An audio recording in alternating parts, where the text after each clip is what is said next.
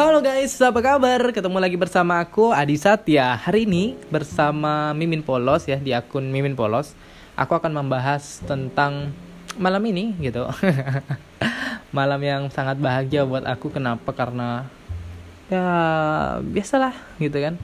Sebagai seorang pekerja freelance uh, banyak hal-hal baru yang aku dapatkan dan mungkin banyak hal-hal baru juga yang susah aku dapatkan Kenapa aku bilang seperti itu? Contohnya nih, ketika kita menjadi freelancer malah senang banget kerja ngapain aja gitu kan, ngatur waktu, mencari klien baru, mendapatkan project lebih dari satu kadang gitu kan. Kadang nggak setiap hari. Oke, okay, jadi um, dari itu senangnya, tapi kalau sedihnya di era sekarang menjadi freelancer banyak sih gitu ya job yang mulai sepi seandainya kan karena masa covid yang masih bertahan sampai sekarang gitu.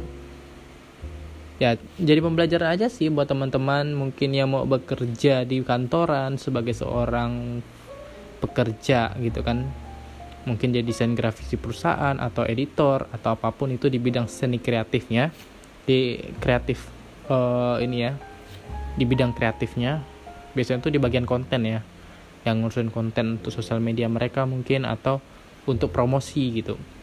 Nah, kalau sebagai freelancer kan mereka malah lebih mencari uh, klien gitu. Tetapi memang untuk yang freelance kebanyakan yang saya lihat itu mereka tetap menggali ilmu mereka di luar, bergabung dengan komunitas, tetap ikut perlombaan seandainya gitu kan. Lalu mempelajari hal-hal baru dari orang-orang baru, karena interaksi kita ketika menjadi freelancer itu sebenarnya lebih luas. Kita bisa bekerja di mana pun dengan siapa pun dan kapan kita sempat gitu. Jadi mengatur waktu sangat penting banget tuh teman-teman. Jadi buat kalian yang mungkin tertarik bekerja di dunia industri kreatif seperti fotografi, desain grafis, ilustrator, apalagi ya?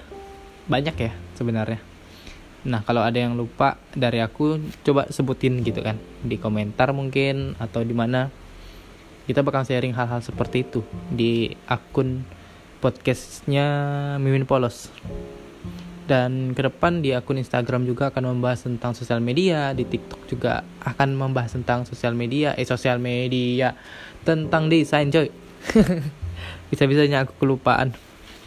Oke, moga aja kalian senang dengan uh, obrolan aku ini dan nggak banyak e e e ini juga salah satu trik aku untuk belajar bicara agar menghilangkan kata e gitu. Mungkin teman-teman coba hitung deh. Kalau di uh, rekaman aku ini udah berapa banyak kalimat e yang aku sebutin. Intinya aku lagi coba untuk menggali public speaking juga gitu kan dari membuat sosial media. Yoi buat konten untuk sosial media guys jadi jangan di ini ya dihujat ya Oke okay, teman-teman, see you buat kamu tetap stay tune di sini karena setiap episodenya bakal memberikan hal-hal menarik buat kalian dan bermanfaat pastinya. And selamat malam.